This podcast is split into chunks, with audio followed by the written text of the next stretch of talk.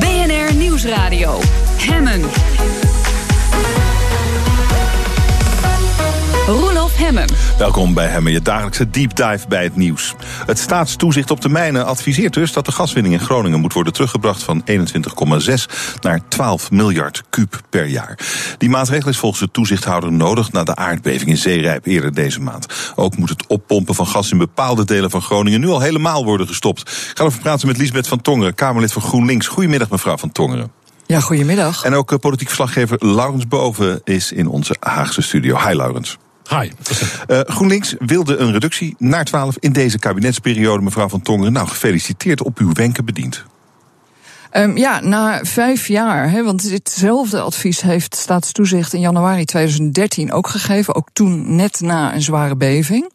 Dus um, hartstikke goed als dit kabinet er nu werk van gaat maken. Maar onder Rutte 2 lag dat advies ook op tafel en is niet opgevolgd. Dus ja, ik ben hartstikke blij dat we nu aan de slag gaan. Maar dat daar vijf jaar Groningse ellende en nog een zware beving voor nodig was. Voordat Rutte 3 nu tot het inzicht komt om dit te gaan doen. Dat is wel verloren Hm. En wat er, eh, wat, waarom is het inzicht nu anders, denkt u? Weer een aardbeving geweest. Is dat wat het verschil maakt? En vijf jaar zichtbare ellende. Mm-hmm. In het begin was het van, nou ja, geef die Groningers wat plamuur en een plamuurmes. En dan uh, smeren ze die, uh, sch die scheuren dicht en dan is het weer oké. Okay. Maar door aanhoudend uh, actie voeren van mensen uit Groningen. En he, partijen zoals GroenLinks, die er in de Kamer echt vijf jaar lang steeds aandacht voor gevraagd hebben. kwam het op de politieke agenda toen kwam die enorme grote beving eroverheen. En nu zie je ja, dat de nieuwsfeiten eigenlijk over elkaar heen tuimelen.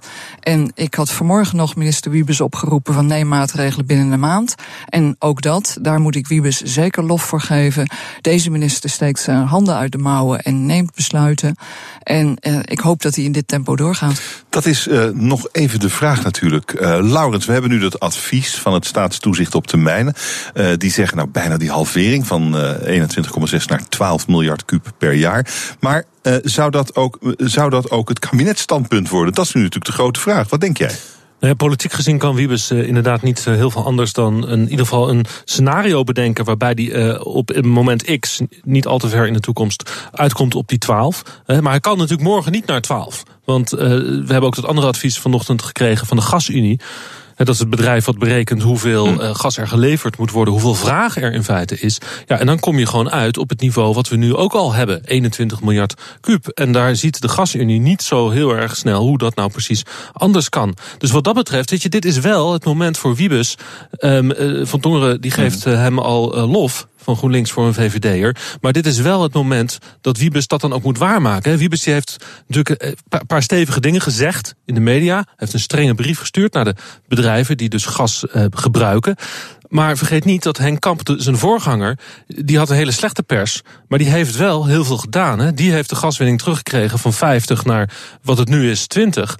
Um, en Wiebes die staat helemaal aan het begin van zijn periode. En die moet nu zijn grote woorden waar gaan maken. En als dat niet lukt, dan uh, zal Van Tongeren meteen weer hier aan de bel hangen van dat het uh, allemaal niet, uh, niet deugt. En zal er ook heel veel teleurstelling zijn in Groningen. Dus de verwachtingen zijn nu heel hoog gespannen. Um, maar het grote hoofdpijn is natuurlijk de, de, de kwestie van hoe je dat doet terwijl je 21 nodig hebt, maar 12 gaan winnen. Ja, dat, dat is, is natuurlijk onmogelijk. 21 nodig, ja, dat, dat is gewoon niet zo. Er, wordt nu, er is vraag naar 21. Maar als je zegt dat Gronings gas, hè, dat is zo kostbaar voor de Groningers om te winnen. Laten we daar bijvoorbeeld in elk geval geen stroom mee maken. Er wordt nu tussen de 2 en de 3 miljard kuub gebruikt om elektriciteit mee te maken. Nou, laten we daar echt subiet mee stoppen. Dat kost wat, maar laten we dat doen. En er wordt ook nog steeds Gronings gas gebruikt als grondstof in de chemie. Nou, niet meer doen. Het MKB uh, verspilt per jaar voor 300 miljoen euro aan Gronings gas. Dat kost die winkeliers bijvoorbeeld geld, die ondernemers, die kleine bedrijven.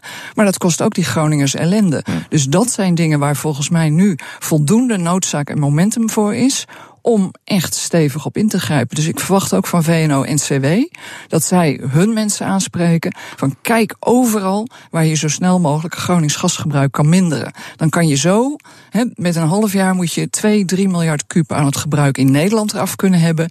Buitenland, precies hetzelfde verhaal. daar worden leveranciers gedwongen om af te nemen van het Gronings gas wat in hun contract staat.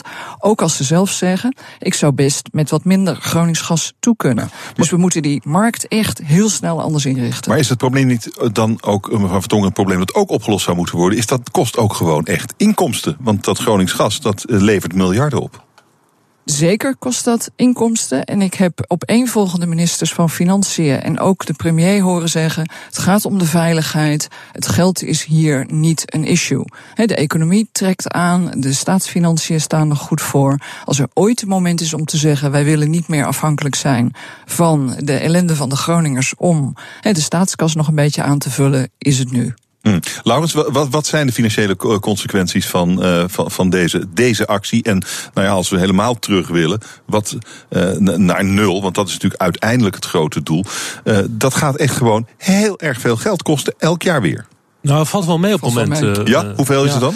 De, de, de, het is volgens mij iets van twee ongeveer op dit moment op de rijksbegroting. Ja, per jaar. Oké. Okay. Um, dat is te overzien dus dat, dat, het, een paar jaar geleden was het veel meer. Was het meer dan 10 of zelfs 15. Dus uh, wat dat betreft is dit, dat heeft Van Dongen wel gelijk in. En dat wordt ook wel herkend. Ook door het kabinet trouwens hoor. Ik heb uh, Wopke Hoekstra daar vorige week nog over gesproken. Mm -hmm. De minister van Financiën. Um, en die zei toen ook van, kijk, het geld staat aan het eind. Um, we wachten nu op wat Wiebes gaat besluiten. En uh, hoe we dat dan financieel oplossen, dat zien we dan wel weer. Er is wel één verschil met de vorige periode in dit kabinet. Ze laten nu die 2 miljard die ze eraan verdienen, direct in de begroting lopen. He, dat betekent dus dat als je um, dat geld wegstreept, dat je dan dat op de een of andere manier moet, uh, moet opvangen. In het oude systeem was dat boekhoudkundig wat anders vormgegeven. Dan zat het in het EMU-saldo. Dan hoeft je niet meteen te gaan bezuinigen als je het uh, niet binnenkrijgt. En dan kon je dat gewoon via de staatsschuld een beetje weg, uh, wegeffenen. Dat kan nu dus niet meer, volgens de begrotingsregels van de staat zelf. Dus als ze die 2 miljard niet meer innen, dan zal er dus ergens anders op de begroting iets moeten worden gestreept. We moeten die regels gewoon weer terugdraaien naar hoe ze waren. Dit is volstrekt duidelijk dat dit niet kan. Je kan niet tegen die Groningers zeggen, hè, als daar minder gas gewonnen wordt, moet er ergens in het onderwijs of in de gezondheidszorg bezuinigd worden. We hebben dat al die jaren niet gedaan. Dit kabinet is voor meerdere dingen afgestapt die in het regeerakkoord stonden rond Groningen. He, bij de voorjaarsnota moeten ze dit gewoon weer terugdraaien. Hm. Uh, nog even iets anders, uh, mevrouw Van Tongen. Shell komt uh, geloof ik langs in de Tweede Kamer, toch? Dat klopt, ja. Een hoor, hoorzitting op ja. mijn initiatief. En het is de tweede keer dat Marjan van Loon van Shell naar de Tweede Kamer komt op dit onderwerp. Ja, wat gaat u haar vragen vandaag? Um, ik ga haar vragen of uh, zij en Exxon nu gewoon hardop willen zeggen dat zij aansprakelijk zijn voor alle schade nu en in de toekomst. Ja, want dat, da, daar dat was is gewoon een paar keer gezegd nu. Ik heb haar het woord ik ben aansprakelijk of Shell ja. is aansprakelijk nog niet horen zeggen. Ik heb haar allerlei dingen horen zeggen die in de buurt zitten. Maar ik wil haar dat gewoon ja. graag één keer publiekelijk uh, horen zeggen. En de mensen van Exxon ook graag. Ik ben uh, zeer benieuwd. Dank voor dit gesprek, Liesbeth van Tongen, Kamerlid van GroenLinks. En dank ook aan politiek verslaggever Laurens Boven. Aardappels zaaien in plaats van poten lijkt een miniem verschil. Maar het gaat een deel van het voedselprobleem oplossen, denkt mijn volgende gast.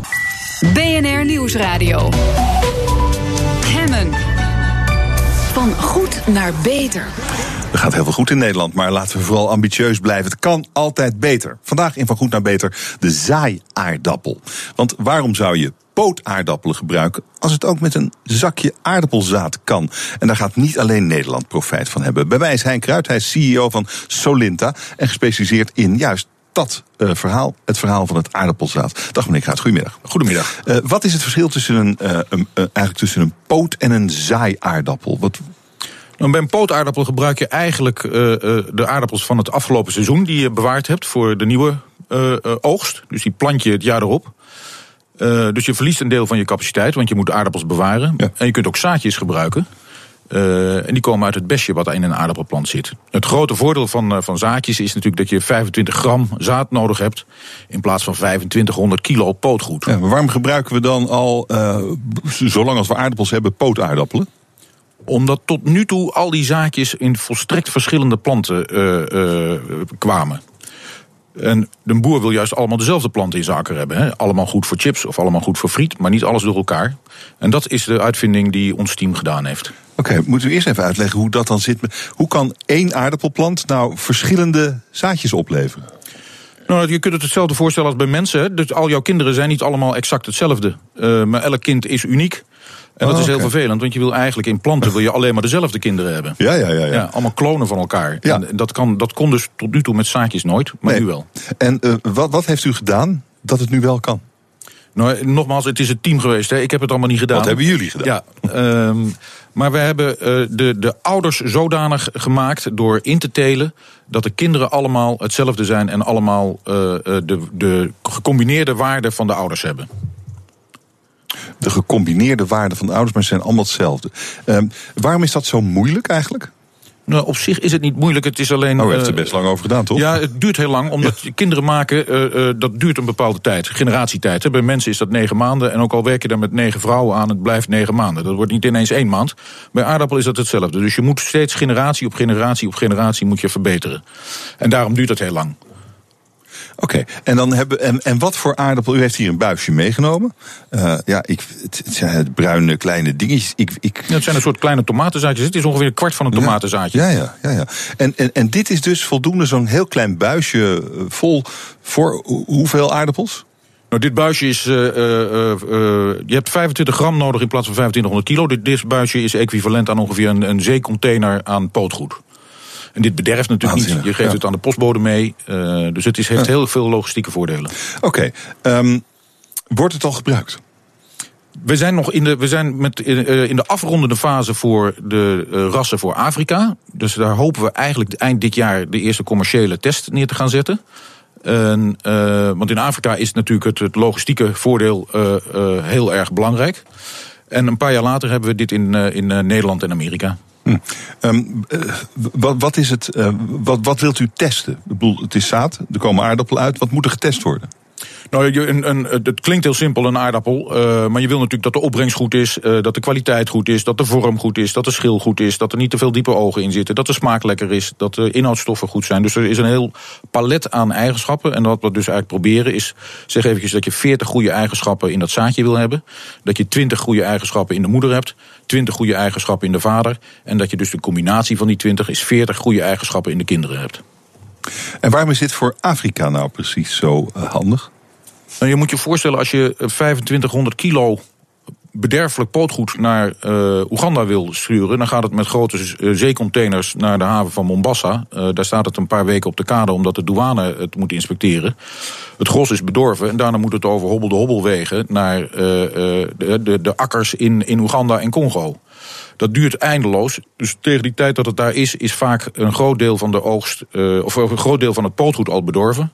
Bovendien is al het pootgoed besmet met een, eh, ziektes.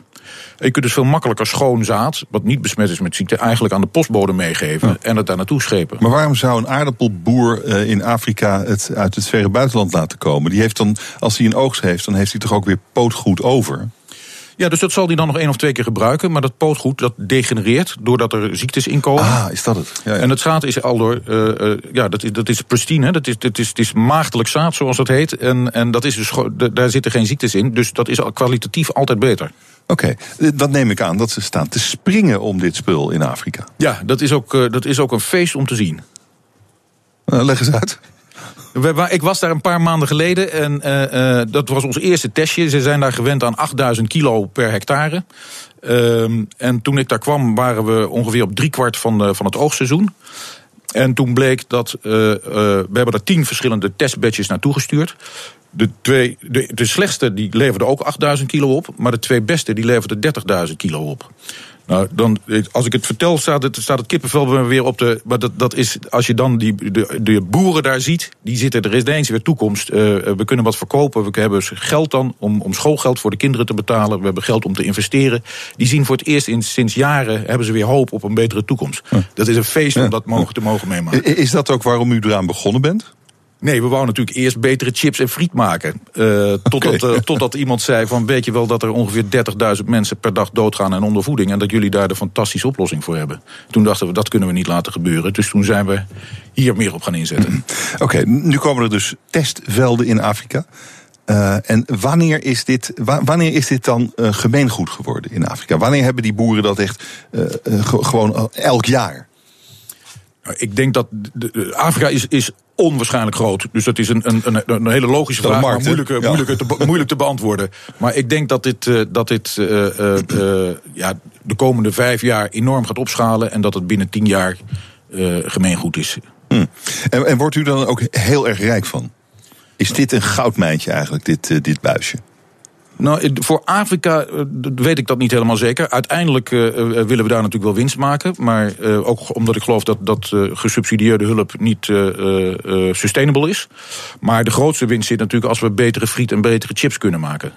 dus dat duurt nog eventjes. En wat is daar dan moeilijk aan? Want die aardappelen die doen het blijkbaar. Die komen gewoon uit zo'n zaadje. Nou ja, wat ik zei, in, in, in, in Afrika zijn ze al heel blij als de opbrengst 15.000 kilo per hectare is. Daar springt in Nederland nog steeds de tranen in de ogen bij een boer. Dus oh, ja. dan moeten we naar 55, 60.000 kilo. Daar zijn we nog uh, zes generaties mee bezig. Ah, okay, dus twee tot drie jaar. Ja, ja. Dus dit zaadje is eigenlijk, ja, eigenlijk een heel slecht zaadje. In de ogen van een Nederlandse boer. In de ogen van een Nederlandse boer is het slecht, ja. Maar in de ogen van een Afrikaanse boer is het, is het een godsgeschenk. Ja. En wil die Nederlandse boer, die wil er ook aan op termijn?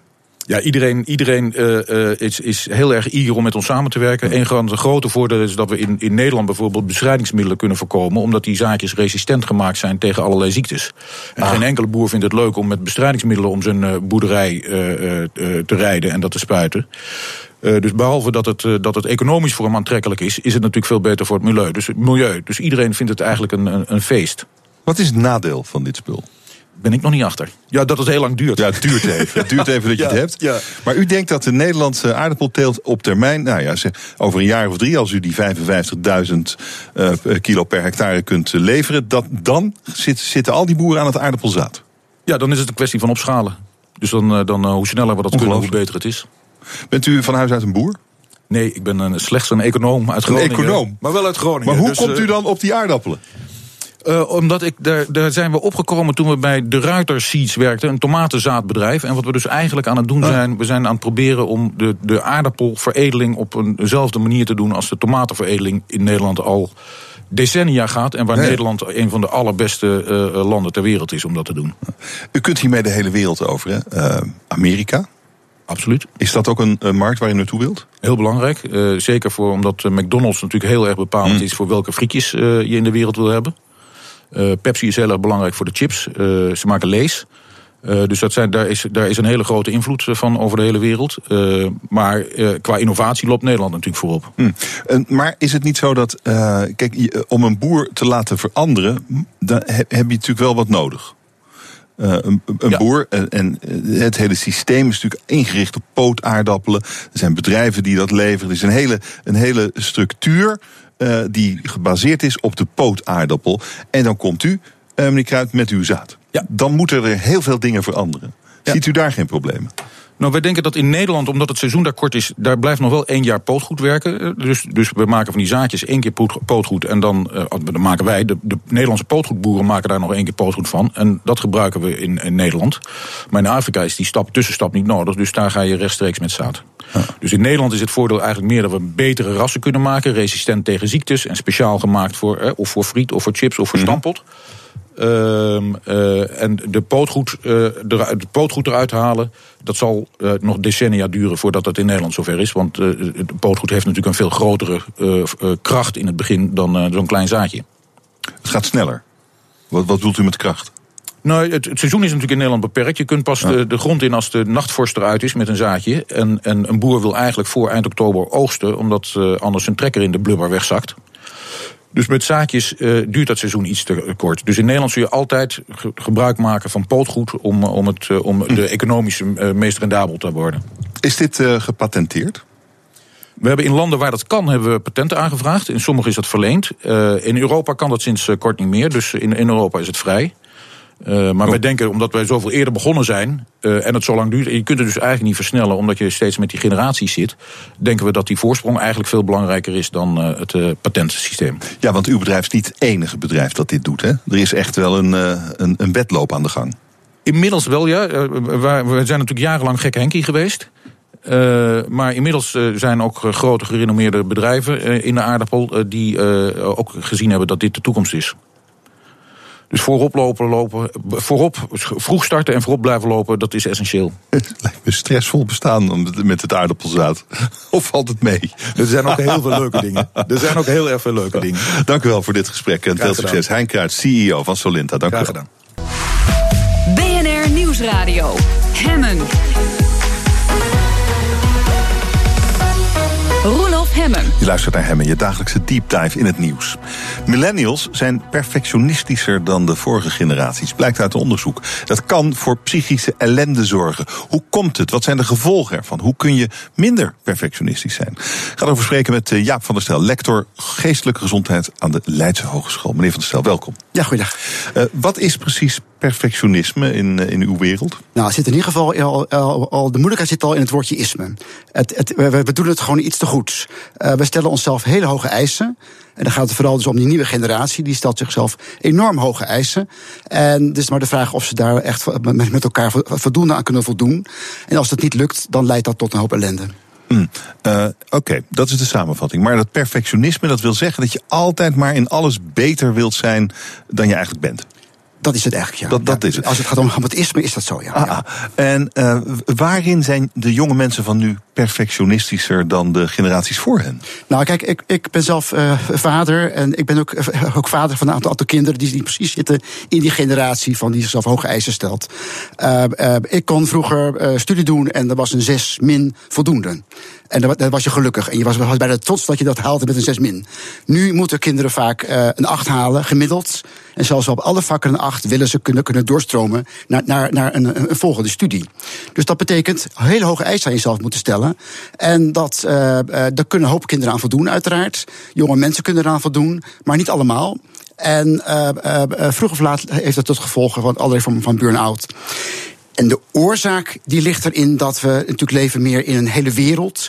En dat, dat de, concurrentie ga je als individu aan met ook inderdaad de hele wereld. Is het uh, alleen maar op het gebied van, uh, van school, werk? Want millennials is natuurlijk tot een jaar of dertig, hebben we het over, toch?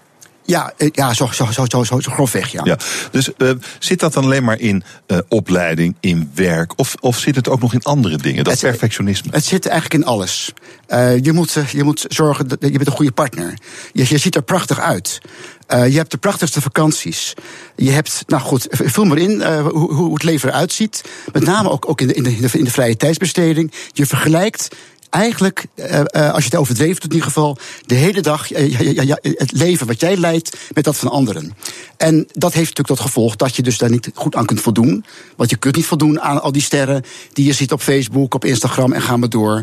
En dat heeft een, eigenlijk een, een zweem de hele dag over hm. zich heen van faalangst. Ik doe het niet goed genoeg. Ah, ja. Ik moet eraan werken. Dus, dus het, het is de druk van de omgeving.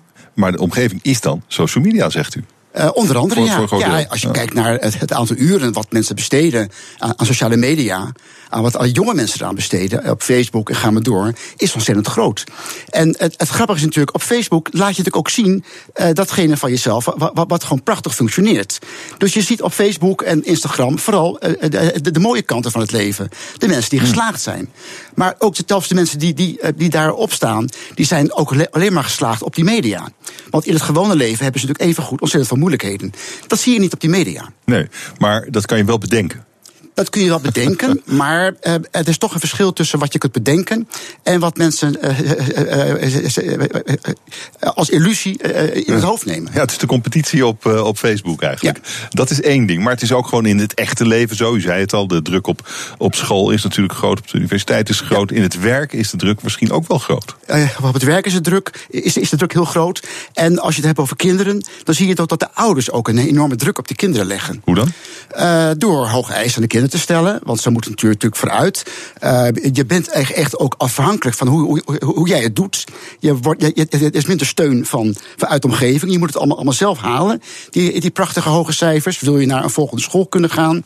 Je ziet dan ook dat ouders ook uh, op, het, in het onderwijs, op, op, de, op, de leerkrachten enorme druk leggen.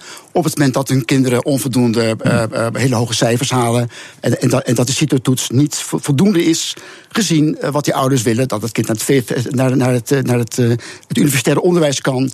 En ga zo maar door. Ja. En waarom zijn die ouders? Want die ouders zijn eigenlijk net zo perfectionistisch als die kinderen. Uh, en terwijl dat toch de, de eerdere generatie is.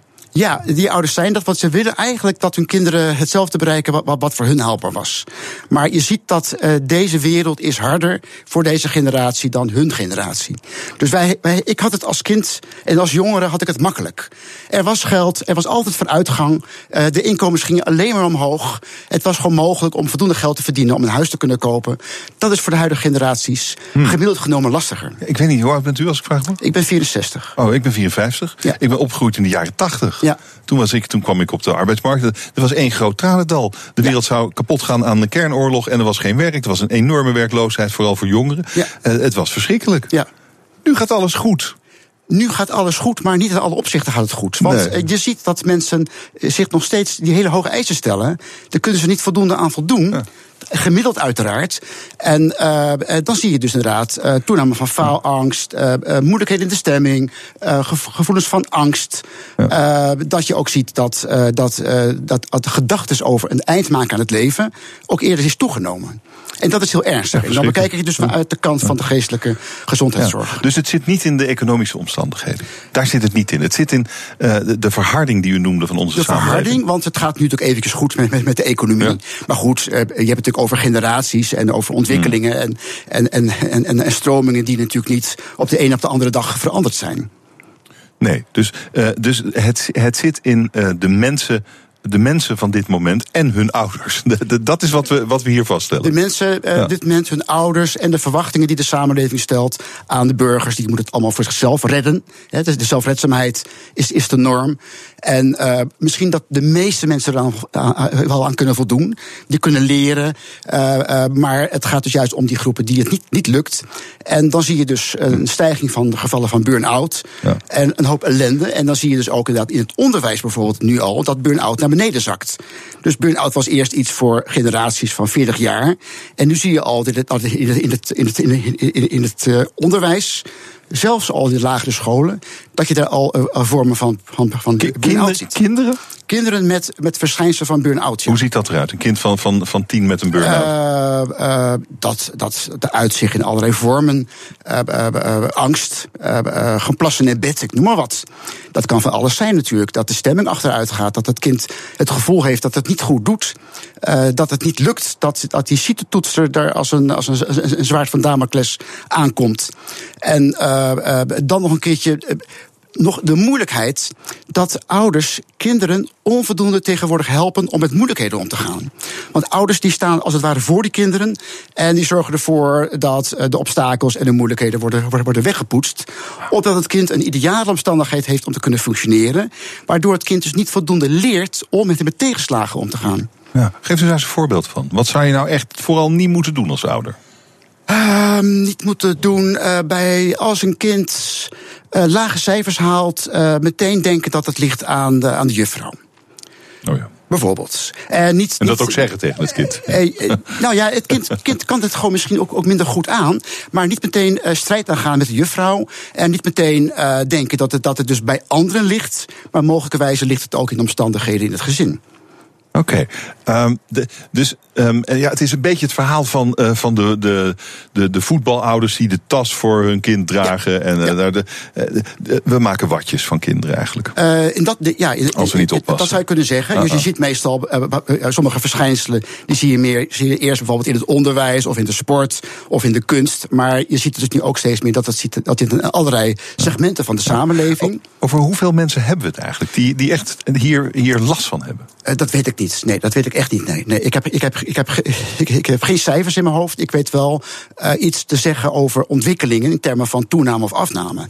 En dan zie je dus dat bij jonge mensen, uh, uh, jonge mensen, dat bedenk je dus ook inderdaad zo rond de 30, dan zie je wel eerst eerder een toename van moeilijkheden rondom stress, burn-out. Uh, uh, stemmingsmoeilijkheden hmm. en gedachten over uh, misschien wel een eind maken aan, aan het leven. dan een generatie voor hun, laten we zeggen, hun ja. ouders. Ja, het is niet per se dat ze het nou zo druk hebben. Hè? Dat hoor ik u eigenlijk helemaal niet zeggen. Daar, Daar wordt wel heel hard gewerkt. Er wordt heel hard gewerkt. En er wordt ook in de vrije tijd hard gewerkt. Men moet de hele dag dingen goed doen.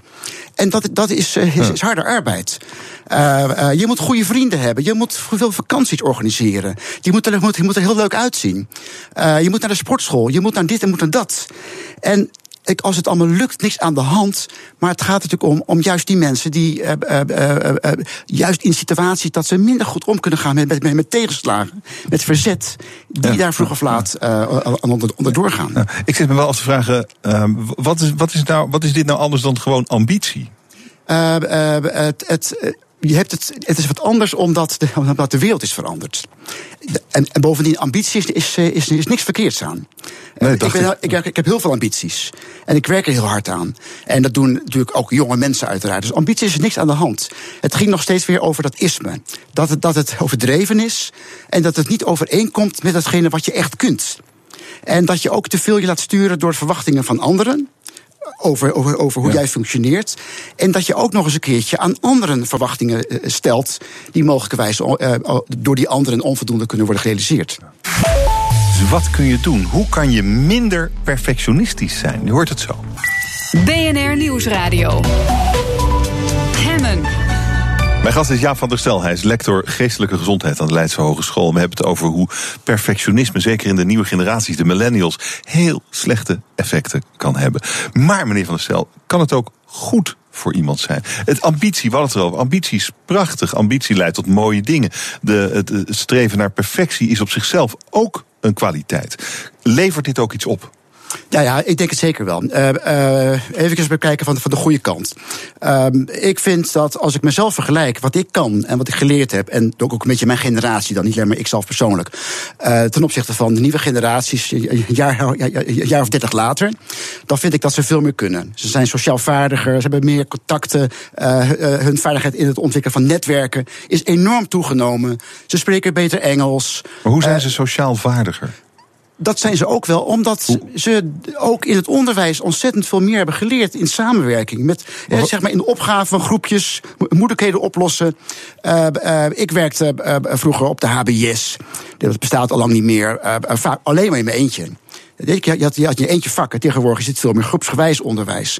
Waardoor kinderen veel meer uh, moeten samenwerken. En dat kunnen ze ook beter. Mm -mm. Dus in dat opzicht uh, niks mis mee met, met het niveau van de vaardigheden van de nieuwe generatie. Netwerken, zegt u ook? Ja, en de, sociale, en, de, en de media, de sociale media helpen daar ook enorm bij. Als ik weer naar mijn eigen kinderen kijk, uh, die hebben nog contacten met, met, uh, met uh, jongens en meisjes van, van de lagere school, terwijl ze al in de dertig zijn. Ik weet niet wie, wie dat is, wie, wie, wie, wie, wie dat waren, want die mensen zijn zoek geraakt.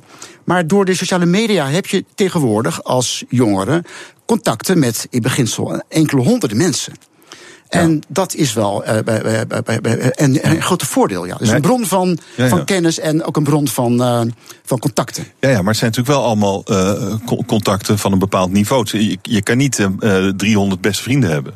Nee, en zeker als die vrienden allemaal laten zien op internet uh, uh, hoe goed ze zijn, mm -hmm. hoe goed ze het allemaal gedaan hebben. Dus wat heb je eraan dan? Nou ja, goed, ja, je, je kunt ermee scoren. Je kunt binnenhalen hoeveel klikjes je krijgt bij op een plaatje. Dus het, het aantal likes is ja. dan de score die je haalt. Ja, maar dat is eigenlijk geen, dat is dan helemaal niet zo positief als we nee, naar kijken nee, naar. Dus naar dan wat... gaat het aan, naar de, de, ja, andere kant. Ja. Ja. ja, dus die, die, die grote netwerken, die, die 400, 500 Facebook-vrienden. Ja.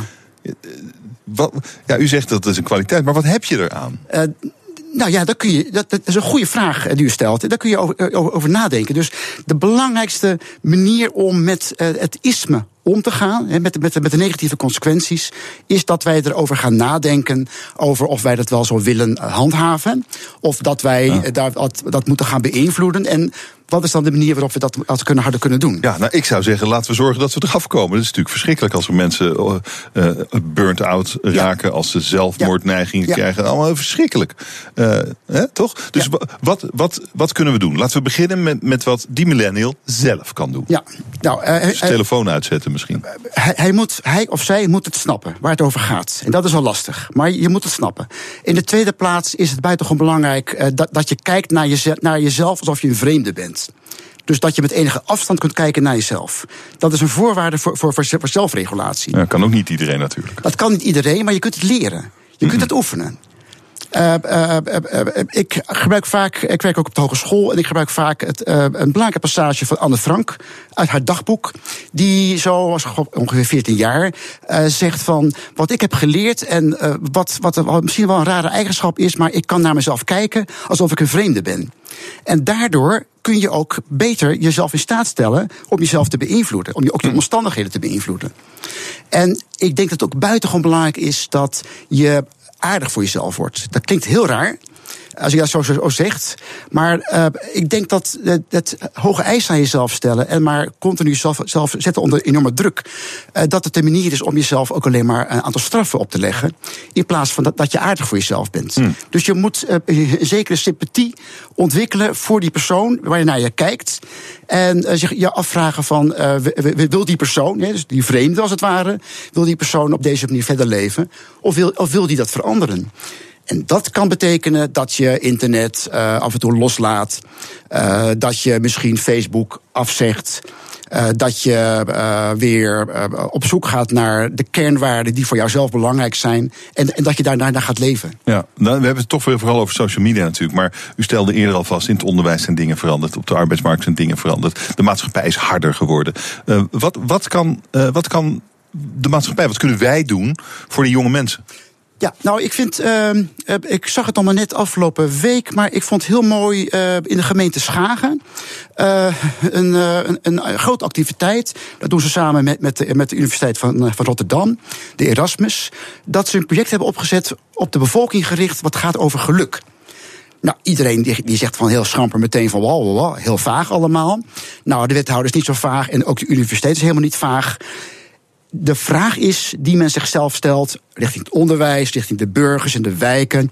Hoe kunnen wij uh, samen ervoor zorgen dat wat we doen, dat mensen uh, dan weer het gevoel krijgen dat, dat, dat, dat hun leven er prettiger uitziet. Dat ze meer het gevoel hebben van, van zoals, als het ware een soort geluk. Zonder dat het dan meteen allemaal heel, heel veel meer geld kost. Maar, maar hoe doen ze dat in Schagen? Uh, door het onderwijs gespreksgroepen te organiseren. Door als uh, heel simpel een straat veranderen, wordt opgebroken. Uh, wat, er moeten nieuwe leidingen worden gelegd. Uh, dat ze met de, met de burgers in gesprek gaan over van... oké, okay, die, die, die, die straat wordt even, even opgebroken. Maar we kunnen ondertussen wel met elkaar plannen maken. Hoe gaan we de straat straks op een, op een betere manier... op een hmm. andere manier inrichten... waardoor jullie meer het gevoel hebben dat, uh, dat je daar prettiger woont. Oh ja. En hoe heeft die, die, die millennial op de, rand, op de rand van een burn-out daar wat aan? Uh, dat kun je ook even goed vertalen naar, naar richting het onderwijs. Uh, dat je uh, de enorme druk op, die je legt op de schouders van studenten, dat ze die hoge cijfers moeten halen, dat ze straffen krijgen, dus boetes in de richting van ook financiële aderlatingen moeten laten. dat, ze dat, dat we dat eraf halen opdat studenten gewoon studeren zien als iets wat prettig is. Ja, maar meneer we waren net van die zesjescultuur af. Ja, ja. Ja. En u zegt, nou, wees maar tevreden met die zes min. Nee, dat zeg ik niet. Nou ja, ik hoor. Nee, dat zegt nee, u niet. Moet... Maar het is, dat is wel waar uw redenering naartoe uh, gaat. Uh, dat is maar zeer de vraag. Het, uh, uh, ik, ik, haal zelf ook liefst altijd hoge cijfers. En dat doe ik echt vanuit, vanuit uit mijzelf. Daar heeft niemand ooit mij, mij, mij, mij toe, toe gedwongen. En ik denk dat, dat dat belangrijk is dat je mensen in staat stelt om hun, hun, eigen doelen te, te, te formuleren. En dat kan inderdaad voor de een zijn een 6 min. En voor de ander is dat een 8 of nog een 10. Maar je moet dat aan de mensen overlaten. En niet opleggen op anderen. Dat is, het, dat is eigenlijk uh, het verhaal. Dat, dat lijkt me. Uh, waar het om gaat als je ja. wil voorkomen dat mensen flippen. Want daar heeft het eigenlijk over. Dank u wel voor dit gesprek. Ja, van der Stel, lector geestelijke gezondheid aan de Leidse Hogeschool. Hartelijk dank. Buitenlandse Zaken. Het is tijd voor Buitenlandse Zaken. Peter Wijningaas hier van het Haag Centrum voor Strategische Studies. Goedemiddag Peter, mooi dat je er bent. Goedemiddag. Uh, we gaan het hebben over Noord- en Zuid-Korea. Want op dit moment spreken vertegenwoordigers van die twee landen met elkaar. Gebeurt hier wellicht iets moois? Twee oude aardsvijanden die nader tot elkaar komen? Ja, wie weet. Kijk, je, je zegt aardsvijanden. Uh, aan de andere kant zijn het ook heel nauw verwante broedervolken. Dus uh, dit is wel heel interessant om te zien wat er nu gebeurt. Het uh, vooral uh, interessant omdat het tussen de twee Korea's plaatsvindt. En zonder eigenlijk een, een rol van uh, de VS of China of Japan. En het heeft te maken met de Olympische Spelen, denk ik. Ja, daar heeft het uh, mee te maken. Dat is in ieder geval de aanleiding uh, blijkbaar voor Noord-Korea om die toenadering te zoeken. Omdat ze mee willen doen aan de, aan de Olympische Spelen. Dat is inmiddels ook geregeld. Uh, toegezegd. En dat heeft geleid tot een vorm van ontspanning, zeg maar, een détente tussen de twee landen. En ook uh, met betrekking tot de, de opstelling van de VS en China. Hm. Waaraan zie je dat, dat er een ontspanning is? Het, feit, het blote feit dat ze met elkaar spreken? Ja, dat is punt één al goed. Uh -huh. uh, soms wordt er wel eens gezegd, zolang je met elkaar spreekt, wordt er niet gevochten. Um, en dat vechten dat zou dan nu bestaan uit die woordenstrijd die natuurlijk uh, een hele tijd gaande is geweest. Hè. De, de tweets van Donald Trump en de reacties daarop van Kim Jong-il, Un. En, en, en de raketproeven die liggen blijkbaar stil. Dus, dus ja, er is wel ah. degelijk sprake van ontspanning. Hm. Um, en bij wie, wie, wie is er begonnen met die ontspanning eigenlijk? Nou, Noord-Korea heeft het initiatief genomen door uh, ja. te verzoeken zeg maar, mee te mogen doen aan de oh, ja. Olympische Spelen.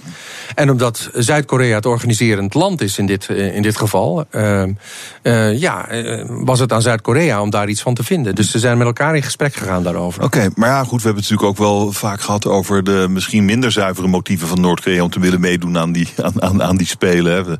Ja. is, hoe zuiver is het? ja, dat, dat is even de vraag. Um, um, want iedereen breekt zich nu over het hoofd van waar gaat dit heen leiden? Gaat het iets moois worden of is het iets tijdelijks? Dat hangt natuurlijk af van wat de diepere achtergronden zijn van, van Noord-Korea om deze stap te zetten. Nou, wat denk je? Um, ik, ik vind het heel lastig om daar een antwoord op te geven. Um, uh, het kan zijn uh, dat ze uh, tevreden zijn over de stand van zaken wat betreft de ontwikkeling van een atoomwapen en een, en een lange afstandsraket. En dat ze zeggen, nou, we zijn er en we kunnen weer andere dingen gaan doen. Het kan ook zijn dat ze daar nog lang niet zijn en juist een soort pauze willen inlassen. Het kan ook zijn dat de sancties voelbaar worden. Nu juist ook omdat China meer meewerkt om die sancties uit te voeren. dat dus wij daadwerkelijk pijn gaat doen in, in, Zuid in Noord-Korea. En dat ze ja. ja. toch de behoefte hebben om nu een brug te slaan, een opening te creëren, om er onderuit te komen. Mm, ze praten met Zuid-Korea. Uh, en wat is dan uh, wat is, wat, wat, wat is de motivatie van Zuid-Korea om dit te doen? Kijk, als je kijkt op langere termijn, beide motivaties van beide landen zeg maar, is uh, hereniging van beide landen.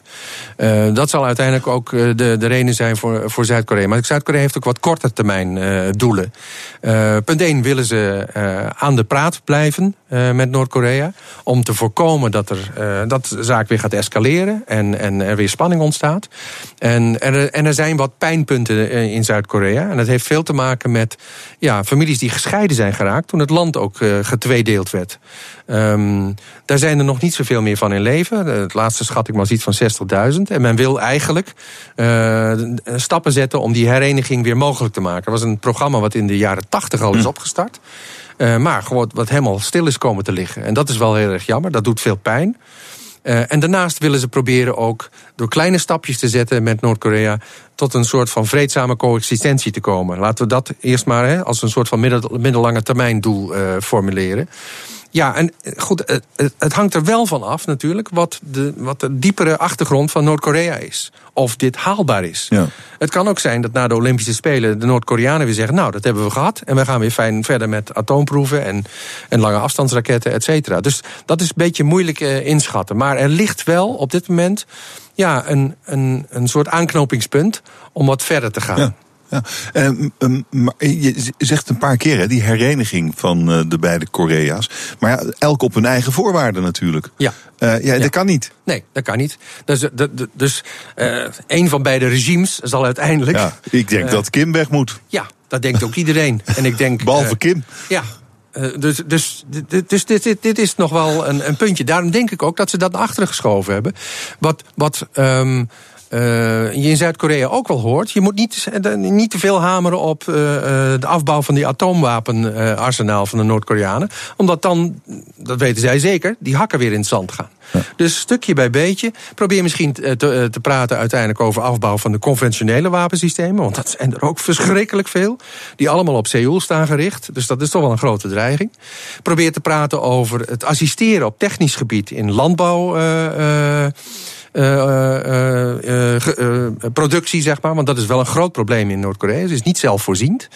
Um, en, en, dat kun je ook doen zonder de sancties te overtreden. Hè, want die sancties die zijn op commercieel gebied. Maar als je technische ondersteuning levert door ze te helpen hun productie te verbeteren, uh, veeteeltwijs, landbouwwijs, tuinbouwwijs. Ja, dan uh, zou je ook een aardige stap kunnen zetten. Wat, wat, wat kunnen andere landen doen? Andere landen, denk ik, uh, en dan met name uh, kijkend naar de VS en China, moeten mm -hmm. dit mhm. vooral even een inter-Koreaans initiatief laten blijven. En, en het dus in die zin faciliteren door zich afzijdig te houden, of dan wel het proces te ondersteunen. Uh, dat betekent nogal wat zelfbeheersing, denk ik. Met name van een Amerikaanse president die graag twittert. En, en een Noord-Koreaanse leider die daar graag op reageert.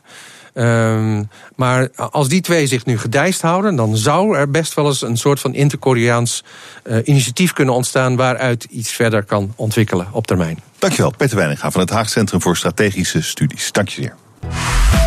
BNR Nieuwsradio. Hemmen.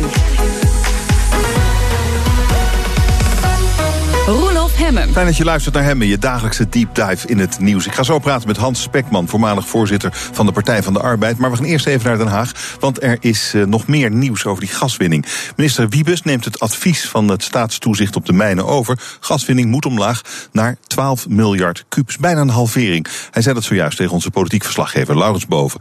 Laurens, ga je. Ja, hi. Roelof.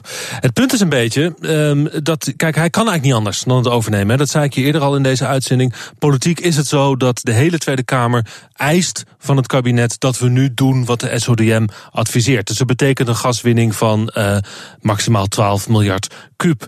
Maar goed, krijg het maar eens voor elkaar. We winnen op dit moment 21 miljard kuub. En dat is ook het tweede advies van vandaag. De ene gaat over de veiligheid en de andere gaat over de vraag naar gas. Hoeveel hebben we nodig? En dat is 21 miljard kuub. Dat is het andere advies van de Gasunie vandaag. Uh, dus hoe breng je die twee met elkaar in evenwicht? Nou, Wiebes die zegt, ik ga nu een paar weken lang nadenken. Eind maart kom ik met een plan hoe wij zo snel mogelijk toegaan naar die 12 miljard kubieke meter gaswinning. Dat is wat hij net zei. Hij mhm. neemt een paar weken de tijd. Het grote probleem is alleen natuurlijk, het kan niet nu al. Dat hield ik Wiebes voor. Het kan nu nog niet naar 12 miljard. En dit is eh, wat hij daarop zegt. Kijk, als we ons alleen maar kunnen baseren op plannen die er vandaag liggen, ja, dan is het uitzicht somber. Het gaat over de plannen die we kunnen maken. Het gaat om dingen die we kunnen doen. Ik ben, hè, ik ben bezig om het uiterste in kaart te brengen wat er mogelijk is. Nee, dat zal niet helemaal aansluiten bij de bestaande plannen. Maar het gaat niet over wat we nu hebben, het gaat over wat er kan. Al dus uh, Erik Wiebes, die dus duidelijk strijdbaar is. Hè? Roelof, je hoort het, in zijn intonatie. Um, afscheid genomen van het verleden, waar we ons mikten op leveringszekerheid, op de vraag naar gas, toe naar een nieuwe situatie van um, veiligheid en dus ook een wijziging van de vraag naar gas. En dat is echt wel even een heel groot probleem, hoe je zorgt dat in Nederland er minder gas nodig zal zijn. Laurens Boven in Den Haag, dankjewel. Goed, mijn gast is eh, Hans Spekman. Hij was wethouder in Utrecht, lid van de Tweede Kamer en voorzitter van de Partij van de Arbeid. Tot de verkiezingsnederlaag een einde aan zijn carrière maakte. Vandaag begint hij met zijn nieuwe baan. Hij is directeur geworden van het Jeugdeducatiefonds. Hans Spekman, welkom. Goedemiddag, mooi dat u er bent. Ja, ik vind het fijn om er te zijn. Uh, eerst even het nieuws wat we net uh, hoorden. Dit, is, uh, dit speelde natuurlijk toen u voorzitter was van de Partij van de Arbeid. En de Partij en van Kamerlid was. En Kamerlid was. al heel lang. en de Partij van de Arbeid ja. regeringsverantwoordelijkheid droeg. Ja. Speelde dit ook al. We zagen nieuws van, van. Vanmorgen las ik het op de site van de NOS. Een oud-inspecteur van staatstoezicht op termijnen. Die ja. noemde het besluit van 2012 om toch te blijven oppompen in Groningen meedogenloos. Want het advies was toen ook al: breng het terug. Nu zijn we vijf jaar verder. En nu gebeurt Wat zegt u dat? Nou, dat het alvast heel goed is dat Erik Wiebes dat nu zo doet zoals hij doet. Dus ik heb hem gisteren gezien met de inwoners van Groningen zelf. Ik heb hem vandaag gehoord. Ik heb de besluitvorming gezien over dat veiligheid voorop stond. Dat was toen al een strijd hoor, ook achter de schermen. Maar dit is heel goed. Dat verdienen die Groningers ook. En iedereen die gisteren naar documentaire heeft gekeken op Nederland 2, geloof ik, de stille beving, ja, die kan ook niet anders dan dat vinden. Uh, maar het had vijf jaar geleden toch ook al geregeld En tien jaar geleden en twintig jaar geleden, uh, ja, dat maar, is waar. Maar vijf jaar ja. geleden zat u ook aan de knoppen. Zeker. Waarom heeft u het toen dan niet geregeld? Ja, nou, er is wel een heel gevecht geweest. Hè, want als je kijkt hoe hoog het bij het begin toen was... en hoe hoog het op het laatst was, is het enorm verlaagd. En het was een, hmm. een groot gevecht, ook tussen de verschillende partijen. Omdat ook altijd wordt gedacht in Nederland aan leveringszekerheid. Ja. Ook aan geld. Uh, eerlijk is eerlijk, daar wordt ook aan gedacht. Maar ik vind het heel goed dat nu deze keuze is gemaakt. Want het moet ook stoppen voor Groningen. Dus ik, ik heb complimenten voor Erik Wiebes. Oké. Maar u heeft niet het gevoel van, nou ja, kijk, die, die, die, die voormalige inspecteur van het staatstoezicht op de mijnen, die zei het was een meedogenloos besluit. Had nooit Ja. genomen mogen worden. Ja. Eh, u, heeft niet het gevoel van, nou, dan hadden we misschien even. Er zijn heel veel dingen. Ik heb al eerder dingen genoemd die we allemaal anders en beter hadden kunnen doen. De veiligheid van de Groningers hadden we ook eerder voorop moeten stellen, in mijn ogen. Maar ja, je kan wel een koe in de kont kijken. Maar daar heeft de Groninger ook niks aan, hè? Oké, het Jeugdeducatiefonds bent u vandaag begonnen als directeur. Ja. Wat is het Het Jeugdeducatiefonds? Die zorgt ervoor dat kinderen die eh, op achterstand staan en, en thuis wat lastiger hebben, dat die toch dezelfde kansen krijgen dan zeg maar mijn kinderen. Die in een gezin opgroeien waar het allemaal prima voor elkaar is. En eh, vandaag stond er een artikel in de trouw van het OESO. Die liet zien dat heel veel kinderen die een prima IQ hebben, toch niet zeg maar, het hoger onderwijs halen. En dat heeft toch echt simpelweg te maken met dat ze geen toegang hebben, misschien tot de computer. Of eh, misschien dat ze wel dyslexie hebben, maar het wordt niet bij ze geconstateerd. Allerlei verschillende redenen. En wat Jeugdeducatiefonds doet, is die brengt eigenlijk de scholen en het bedrijfsleven bij elkaar. eh, en nog wat particuliere fondsen. En die zorgt ervoor dat die kinderen wel die kansen krijgen. Dus als ze een computer nodig hebben, als de leerkracht dat denkt, krijgen ze die computer. Als ze bijvoorbeeld toegang nodig hebben tot een dyslexie-training of, of, of eh, test, dan krijgen ze die. Zo nagelang zeg maar, van zaken. En daar werken nou behoorlijke bedrijven allemaal mee. ABN AMRO doet mee, Davilex eh, werkt mee als bedrijf. Maar ook kinderpostzegels, die steunt eh, het Jeugdeducatiefonds. En je ziet dat steeds meer scholen, die doen dus een aanvraag. Dus scholen kunnen rechtstreeks een aanvraag doen bij het Jeugdeducatiefonds voor de kinderen. Ja. En eh, u wordt dan directeur. Wat wordt dan uw belangrijkste taak? Eigenlijk bij elkaar brengen. Dus ik wil groei, want er zijn 400.000 kinderen die leven in armoede. Heel veel van die kinderen die komen wel mee op school. Die hebben een prachtige kop, maar die krijgen toch niet de maximale ontwikkelingskansen. Dus ik wil een uitbreiding. Ik wil groei van het Jeugdeducatiefonds. Zodat meer kinderen er gebruik van maken. Dus meer scholen. En ik hoop ook dat meer bedrijven eh, mee gaan doen en klasgenoot worden van het Ja. Jeugdeducatiefonds. En eh, hoe- hoeveel geld zit er in het fonds op dit moment? En, en waar wilt u heen? Eh, nu doen er ongeveer 34 scholen mee. En die 34 scholen, daar rekenen ongeveer 1000 euro per kind nog eens eh, die meedoet. Dus het is al een fors bedrag. Eh, en ik wil dit jaar een verdubbeling naar ongeveer 68 scholen die meedoen. En het liefst hebben we uiteindelijk eh, 600 scholen, dus ongeveer 10% van de basisscholen die mee gaan doen. Dat is het, Ja. zeg maar het doel eh, wat ik heb gezet en wat volgens mij eh, prima te realiseren is. Ja, het is, het is wel eh, op een top sociaal-democratische gedachte. Het verheffen maar- van het volk. Zeker. optima forma. Ja, ja, maar wat ik, wat ik, de- ja, dit is altijd mijn drijfveer geweest als wethouder eigenlijk al. En, en als Kamerlid heb ik me met dit onderwerp bezig gehouden. Ook eigenlijk als voorzitter, want heb ik me naast alle sores ook me wel een hobby gegund. En dat was toch kinderen en armoede. Maar ik merk dat dit brede politieke belangstelling heeft. Want ik werkte in Utrecht notabene al samen met Halbe Zijlstra op ditzelfde onderwerp. Om te zorgen dat ieder kind de maximale kans had. En daar geloof ik ook in. Ik geloof dat dit geen onderwerp hoeft te zijn wat alleen maar sociaal-democratisch is. Ik geloof dat het een onderwerp is wat iedereen raakt in dit land. Eh, en u, u, u bent natuurlijk he- heel lang politicus geweest. Eh, heeft u eigenlijk ooit wel eens een, een gewone baan gehad? Nou, dat is heel lang geleden. dit is de eerste. Dit is heel lang geleden. Ik heb natuurlijk 25 jaar eh, ben ik in die politiek actief geweest. Dat is lang. Ja. Dus eh, die overstap heb ik best lang over nagedacht. Over waar, waar ga ik nu naartoe? Wat wil ik nu doen? Ik wilde graag wel mijn hart vormen, eh, volgen. En dus, en dus iets gaan doen waar ik mijn drijfveer kwijt kan. Nou, dat is dit. En dat vind ik fantastisch. Nee, dat andere is van 25 jaar geleden. Ik ben verhuizer geweest. Ik ben barkeeper geweest. Ik heb van alles gedaan. Uh-uh. Maar dit is wat dat betreft weer lang geleden dat ik een, zeg maar, een normale baan heb gehad. Ehm, de, nou, de, de, de, de, de politiek eindigde dramatisch voor de Partij van de Arbeid, Ja. maar ook voor u persoonlijk. Eh, het, het was opeens allemaal, alles was weg. Ja. U had in uw privéleven eh, grote narigheid overle overle overlijden van uw zuster. Ehm, Dat vond ik overigens zwaarder dan nog de politieke nederlaag, hoor, eerlijk gezegd. nou, dat kan ik me ook goed voorstellen. En, maar dat allemaal bij elkaar, u heeft er wel eens gezegd, het was een klote jaar Ja, 2017. Ja, Eh, hoe heeft u zich herpakt na al die ellende? Nou ja, kijk, eh, dat is op zich ook weer niet zo ingewikkeld. Ik vond de, de- de- een, nederlaag in de politiek, dat hoort bij het leven. Ehm, en dat is pijnlijk en dat is vervelend, maar dat vind ik niet zo erg. En dat ik dan zelf weg moest, eerlijk gezegd, was dat bij de vorming van dat kabinet op zich wel te beredeneren dat dat ons zou kosten en dat iemand daarvoor eh, de prijs zou moeten betalen. En als ik dat dan zelf ben, vind ik dat helemaal geen eh, probleem. Oh, ik vond het privé. Vond, vond u het wel terecht? Ja, natuurlijk vind ik het terecht. Ik Hmm. vind het terecht dat er op een gegeven moment een verandering, een roep om verandering is. En, eh, en ik zag dat ook. Er waren ook weer heel veel mensen die waren heel fanatiek voor mij dat ik per se moest blijven. Maar ik wilde dat de partij niet aandoen dat daar discussie over ontstond. Dus ik dacht, dan stop ik gewoon. Eh, maar wel op een goede manier. En, en, en, maar ik vond privé wel lastiger. En dat herpakken vond ik, vind ik ingewikkelder. Kijk, ik vond met oud en nieuw heel plat, vond ik het heel zwaar. Want dan vierde ik het altijd met mijn zus. En mijn zus is er niet meer, snap je? Dus dat vind ik, dat vind ik moeilijk. Maar daarom vind ik het zo mooi dat ik dat werk nu kan doen voor het Jeugdeducatiefonds. Omdat wat, als er nou iets in mijn familie zit, zat... eh, nou zit, want ik leef nog... dan is er toch wel eh, dat opkomen voor kinderen... die het niet vanzelf hebben thuis. Dus dat vind ik heel mooi. En, dan, en dat compenseert dan veel. Want dan kan je ergens je tanden in zetten. Ja, ja, ja. Ergens hard voor maken. Eh, het, het maakt voor u iets goed om dat te kunnen doen. Zeker. Zoiets. Ja, ja. Nee, absoluut. Omdat ik had het al als wethouder. Op een gegeven moment was ik als wethouder hield ik me bezig met jeugdsportfonds. Dat lijkt heel erg op jeugdeducatiefonds, alleen dan op sportgebied. En dan zag ik op een gegeven moment een jochie in de straat, die kon nooit voetballen.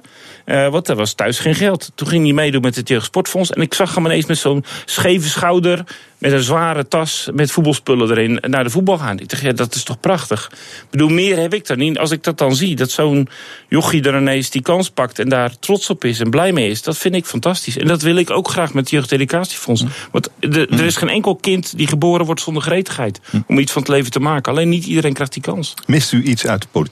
Uit het leven van de afgelopen 25 jaar? Nou, kijk, ik, ik had al van tevoren beredeneerd dat ik macht of positie niet zou missen. En dat is uitgekomen. Dat mis ik ook helemaal niet. Dat heeft me nooit geïnteresseerd. Het is net iets makkelijker om dingen te regelen als je echt heel boos om iets maakt. Dus als je je heel erg druk maakt om iets, dan kan je sneller via een directe lijn heb je, heb je eh, invloed. Eh, Dat zal ik missen, zeg maar, bij losse onderwerpen. Dus dat heb ik wel eens als ik in Utrecht een dak- en thuisloos op straat zie. Denk je, dat is toch helemaal niet nodig. Zorg daar toch voor. Eh, regel dat. Eh, vang ze op. Geef ze een menswaardig bestaan. Dat heb ik soms bij de landelijke politiek. Maar dat is toch eigenlijk, eigenlijk eh, allemaal maar klein bier. Dus wat ik er echt van mis zijn contacten met mensen die altijd warm en goed waren. Van allerlei verschillende politieke partijen ook weer. Zijn met mensen clubje met wie ik werkte. Zijn die mensen allemaal weg dan? Die ziet u niet meer. Jawel, daar heb ik nog wel contact mee. Maar daar werk je natuurlijk wer- intensief mee samen. ja, ja. Daar werk je intensief mee samen. En daar kan je het gewoon goed mee vinden. Dus eh, dus dat, dat is wat ik mis. Maar voor de rest macht of positie niet, eerlijk gezegd. En zeker niet eh, de Haagse binnenwereld. Want ik vond dat steeds heigeriger worden, eerlijk gezegd. En harder.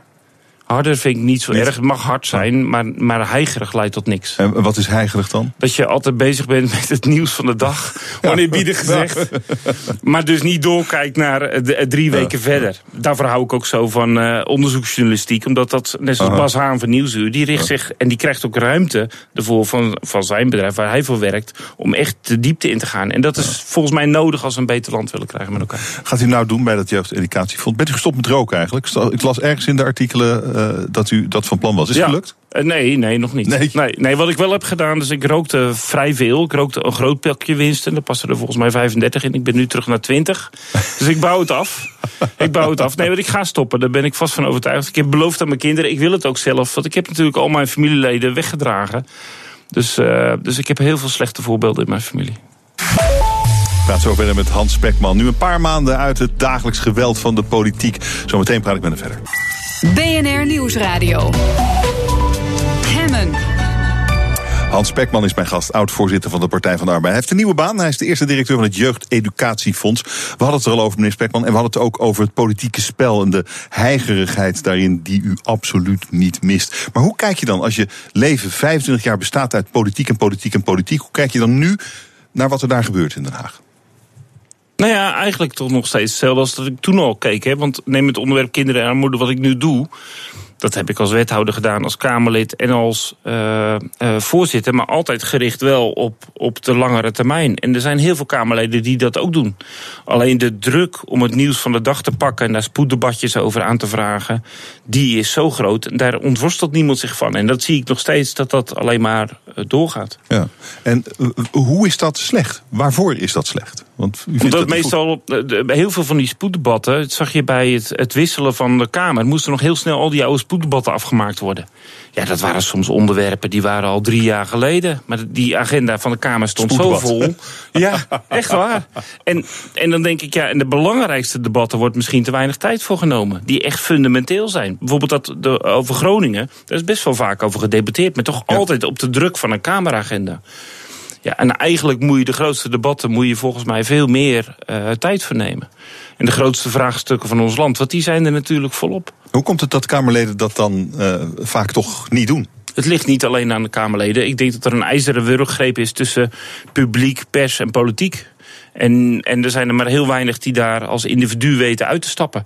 Eh, Dus de pers niet, want er is minder aandacht voor eh onderzoeksjournalistiek. Iedereen wil toch ook, zeg maar, moet ook voor zijn redactie scoren met het nieuws, eigenlijk. Eh, minder dan met het lange termijn volgen van wat is eigenlijk de consequentie van wat er gebeurt.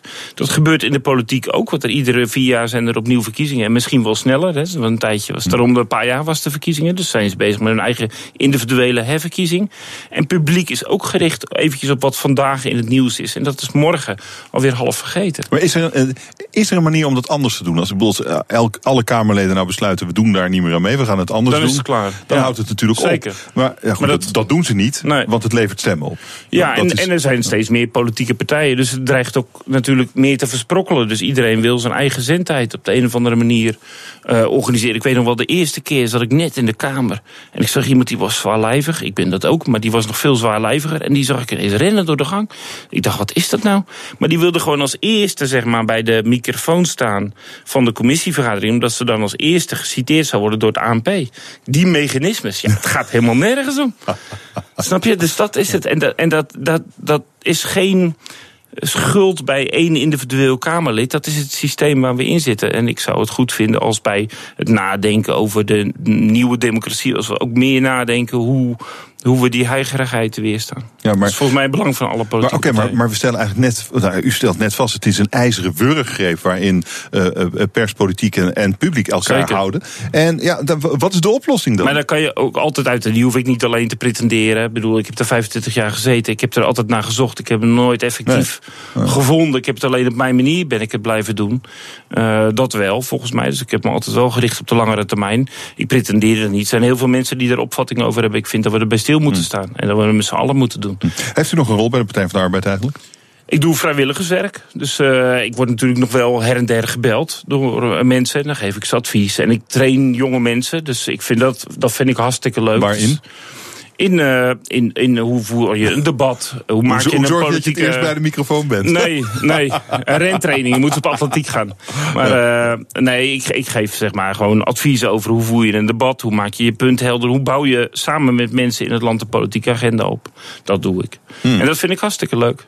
Maar voor de rest, ik heb vooral heel veel zin in het jeugdeducatiefonds. Ja. Want nogmaals, dat is mijn drijfveer altijd geweest. Ja, maar wacht even. Als je 25 jaar actief bent voor de Partij van de Arbeid. Je, je, je, gaat, je gaat weg na die, na, na, Ja. na die enorme klap die de partij heeft gekregen. Ja. De partij ligt, eh, ligt nog steeds duizelig op de grond, denk Nou, ik. dat valt wel mee hoor. Er zijn heel veel mensen die zijn echt super actief. Nu ook weer in de lokale campagnes. Dus het borrelt en bruist alweer van activiteit. Ja, maar eh, borrelt en bruist het bij u ook nog voor die partij? Wel voor de idealen van de partij. Die zal ik nooit verloochenen. Ik blijf op en top een Ja. sociaaldemocraat. Dat Maar is wie ik ben. Maar ja, die partij bestaat eh, toch gewoon uit structuren. En die structuren bestaan uit mensen. Zeker. Ja. ja. Alleen ik heb daar nu geen formele rol meer in. En dat is ook prima. Ja, maar Dus u- er staan weer nieuwe mensen op. Hè? Dus net zoals in, in Utrecht is er een nieuwe jonge lijsttrekker. eh, Rick. En die is 27 zo oud was ik ook toen ik begon bij de Partij van de Arbeid. Hm.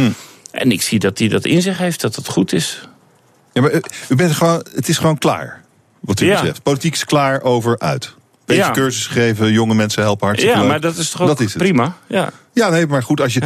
Nou ja, natuurlijk is het prima. Het is, een keuze. Maar als je zo lang daarin gezeten hebt, Zeker. eh, erachteraan en eh, erbovenop. en je bent baas geweest, voorzitter geweest van. En dan opeens denk je, ja, nou, daar ben ik een beetje klaar mee. Nee, maar Ja, kan. nee, zo, kan dit natuurlijk, was ja. natuurlijk op een gegeven moment stopt het. Dus voor niemand gaat het eeuwige leven door. Of je moet Bernie Sanders zijn in Amerika zijn, of, of, of Corbyn in Engeland. Die zitten al een eeuwigheid in de politiek. Maar de meeste mensen die, die zitten daar een tijdje in. En dan, dan gaan ze daarna iets anders doen. Ik heb dit heel lang gedaan. Uitzonderlijk lang, denk ik wel. Maar op een gegeven moment is er een natuurlijk einde gekomen. Dat kwam met die nederlaag. Nou, daar kan ik over mopperen, maar dat is zoals het is. Heeft u te En dan lang gedaan misschien? Nee, dat vind ik niet. Want tot op het laatst, ik bedoel, we hebben het nou over het onderwerp eh, ook armoede en kinderen. Heb ik nog samen met eh Diederik toch wel bevochten dat het kabinet 100 miljoen vrijmaakte voor armoede en kinderen.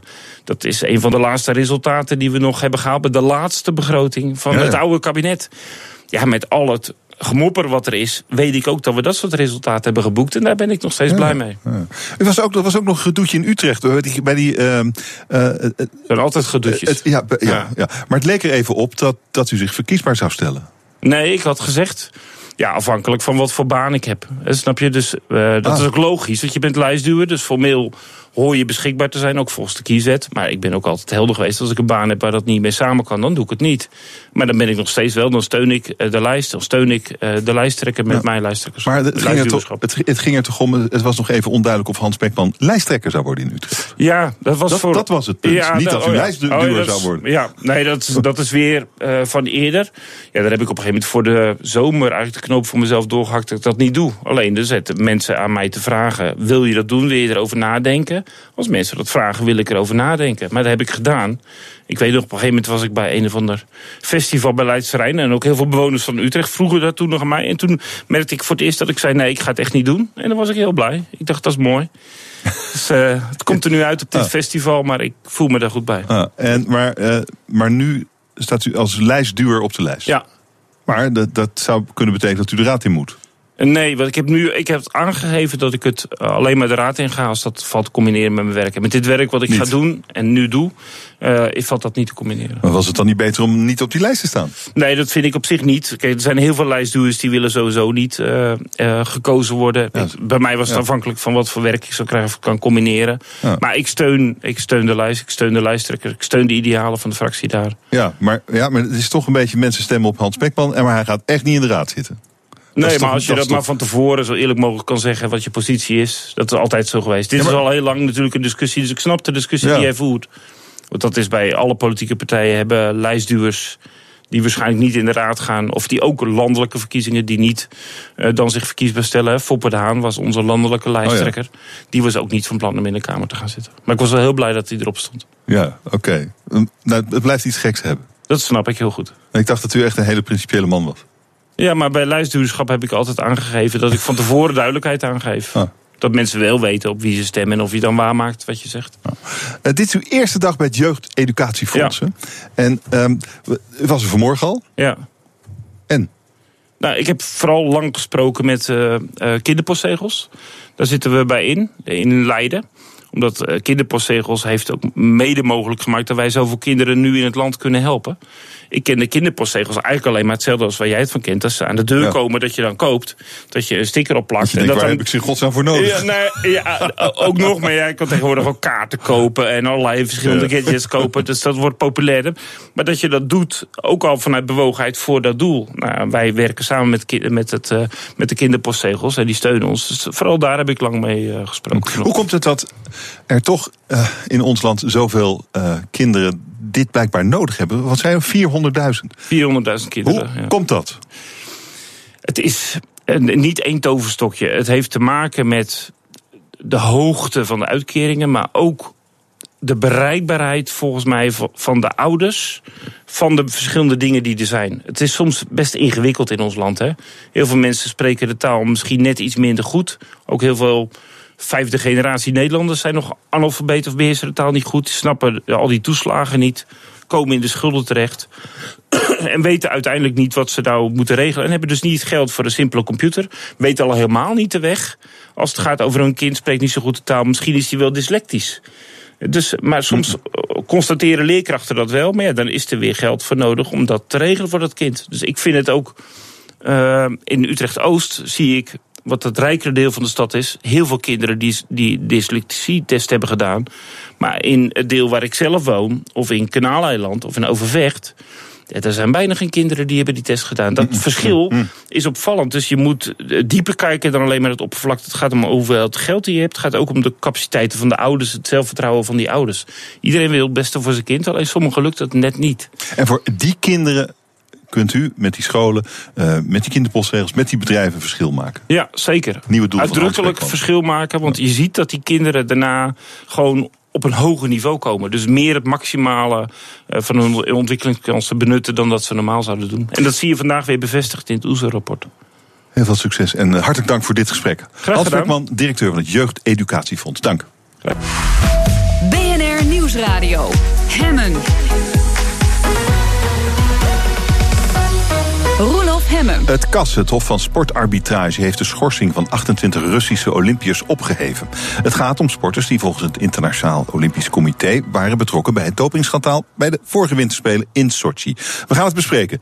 De kantine.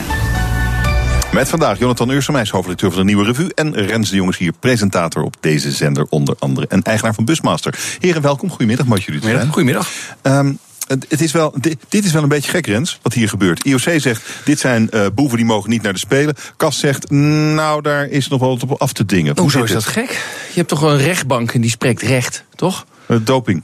Ja, maar ja, de, het KAS oh. is, een, is een tribunaal dat een soort rechtbank is. En dan kun je als sporter heen gaan en zeggen: Nou ja, uh, het bewijs is niet uh, voldoende. En dan gaat een, een, een, hmm. een, rechter onafhankelijk gaan zeggen: Nou, het bewijs is inderdaad niet voldoende. Uh, dus u, u oh. mag weer gaan. Oh. En dan gaat het IOC nu zeggen: Ja, maar ik ben het niet met de rechter eens. Ik ga in hoger beroep. Ik denk dat deze 28 sporters uiteindelijk gewoon niet naar Zuid-Korea gaan, want ze gaan het nog een beetje verlengen. Uh, het is wel het, het, is wel het grootste dopingschandaal ooit natuurlijk. Ja, het, het, je zegt, uh, zijn niet eens met, uh, met uh, de beslissingen en dus je vechten dat aan. Het is eigenlijk heel onduidelijk op welke grond het KAS dat besluit heeft verworpen. We hadden Herman Ram op de zender, directeur van de Nederlandse dopingautoriteit. Het te dun is wel een hele algemene beschrijving. men kan het onvoldoende vinden, maar men kan ook vinden dat bepaalde delen die zijn aangevoerd gewoon niet kloppen. Ehm, dus te weinig of verkeerd, dat is, dat is nog wel een verschil. Um, en dat zijn waarschijnlijk nogal verschillende zaken geweest. Uh, wat ze natuurlijk allemaal gemeen hebben, is dat aan al deze mensen wel ergens uh, een dopingsmet kleeft. Um, maar wat die smet precies is, dat kan per, uh, per sporter ook erg verschillen. En dat blijkt ook wel, omdat in elf gevallen dat bewijs wel overeind is gehouden en 28 gevallen niet. Jonathan, dit is wel het, het geëmmerd en top natuurlijk. We zitten hoe ver voor de Spelen? Wanneer begint het? 9 februari geloof ik. Ja, volgende week woensdag zijn de eerste wedstrijden. Ja, het is weer Mag je meedoen IOC's. of niet? Ja. ja, hoe dit gaat. Ja, als ik uh, een van die atleten zou zijn, zou ik niet eens weten of ik wel überhaupt naar de Spelen toe zou willen gaan. Is het ook met voorbereidingstijd. Uh, voorbereiding op rechtszaken ga je nou ook krijgen natuurlijk. Want al die atleten die willen ook weten waar ze aan toe zijn. En die denken, nou ja, ik ben onterecht geschorst geweest. Ze hebben hun doping, ze hebben hun doping al helemaal afgebouwd. Weet je wel. ze hebben ze helemaal niet kunnen voorbereiden. Lijkt zodat ze die kunnen tests skiën. helemaal ja. uh, kunnen cheaten. Nee, het is echt heel vervelend voor ze. Ja, nou ja, maar goed, jij denkt dat ze sowieso niet gaat. Nou ja, Zou, zouden we ze nee. missen, de Russen eigenlijk? Sportief gezien? Weet ik eigenlijk niet. Ik denk het wel. Nou ja, kijk, als je kijkt, ik, heb je die documentaire Icarus gezien? Ja. Het is werkelijk fantastisch om dat te kijken. Is op Netflix, gaat over um, uh, uh, ja, nu een klokkenluider. Uh, maar de man die ooit het antidopingbureau in Rusland leidde. Hm. Maar gewoon, dat was een cover-up voor gewoon een dopingprogramma van de Russische regering. En die heeft in die documentaire, waar alle haken en ogen aan zitten, maar dit staat wel redelijk overeind. Um, dat er dat uh, vanuit Rusland, de staat Rusland, uh, er, er, echt een dopingprogramma is opgezet. Om onder andere de, de Olympische Spelen van Sochi echt te winnen, zeg maar, de vorige Olympische Spelen. Ja. Dus als dat er is, hè, dat, dat Poetin heeft gezegd: wij willen dit gewoon gaan winnen. Kortom, we gaan een Mm. doping gebruiken. Dan is jouw vraag: ja, gaan wij de Russen missen? Nou, met een land dat gewoon denkt: nou, weet je wat, laten we proberen vast te spelen en ermee weg te komen. Nee, zou ik niet de Russen missen, nee. Ander verhaal. In uh, 14 en 15 was er enorme ophef over de toestroom van asielzoekers, AZC's, die geopend moesten worden. De onrust in uh, ons land daarover, want al die asielzoekers die zouden voor meer criminaliteit, meer onveiligheid uh, zorgen. Daar is onderzoek gedaan door het WODC van het ministerie van Justitie. En wat blijkt daaruit? Dat is niet waar. Niet onveiliger, niet uh, zo crimineel. Nee, wat ik ervan begreep is dat die buurten waar ACC staan gemiddeld toch al onveiliger zijn. Omdat het wat, uh, wat armere buurten zijn. Uh economisch en sociaal zwakkere buurten noemen ze het dan. Uh, maar tegelijkertijd zie ik ook dat uh, zeg maar van de gemiddelde Nederlander uh, wordt 1,2% een keer verdacht van criminaliteit, van de hele bevolking. Hm. Maar bij asielzoekers is dat tussen de 2,5 en 3,7%.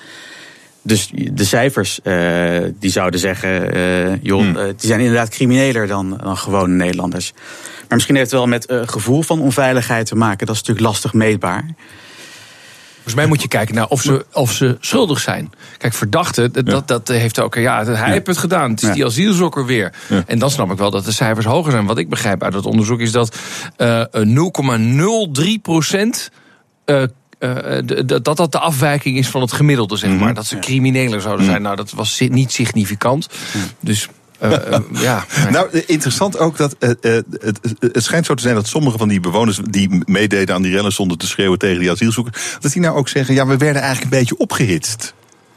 Ja, nou ja, dat, maar dat zagen we toch ook wel. Dus, ah, maar wat, wat, waar ben je? Hoe, nee, maar gewoon, hoe, vaart, dat in, hoe vaart dat in een mens? Wat zeg je? Hoe vaart zoiets in een mens? Nou, hoe, hoe vaart het er niet in? Want dit is, jij gaat ervan uit dat mensen rationeel zijn. Oh ja.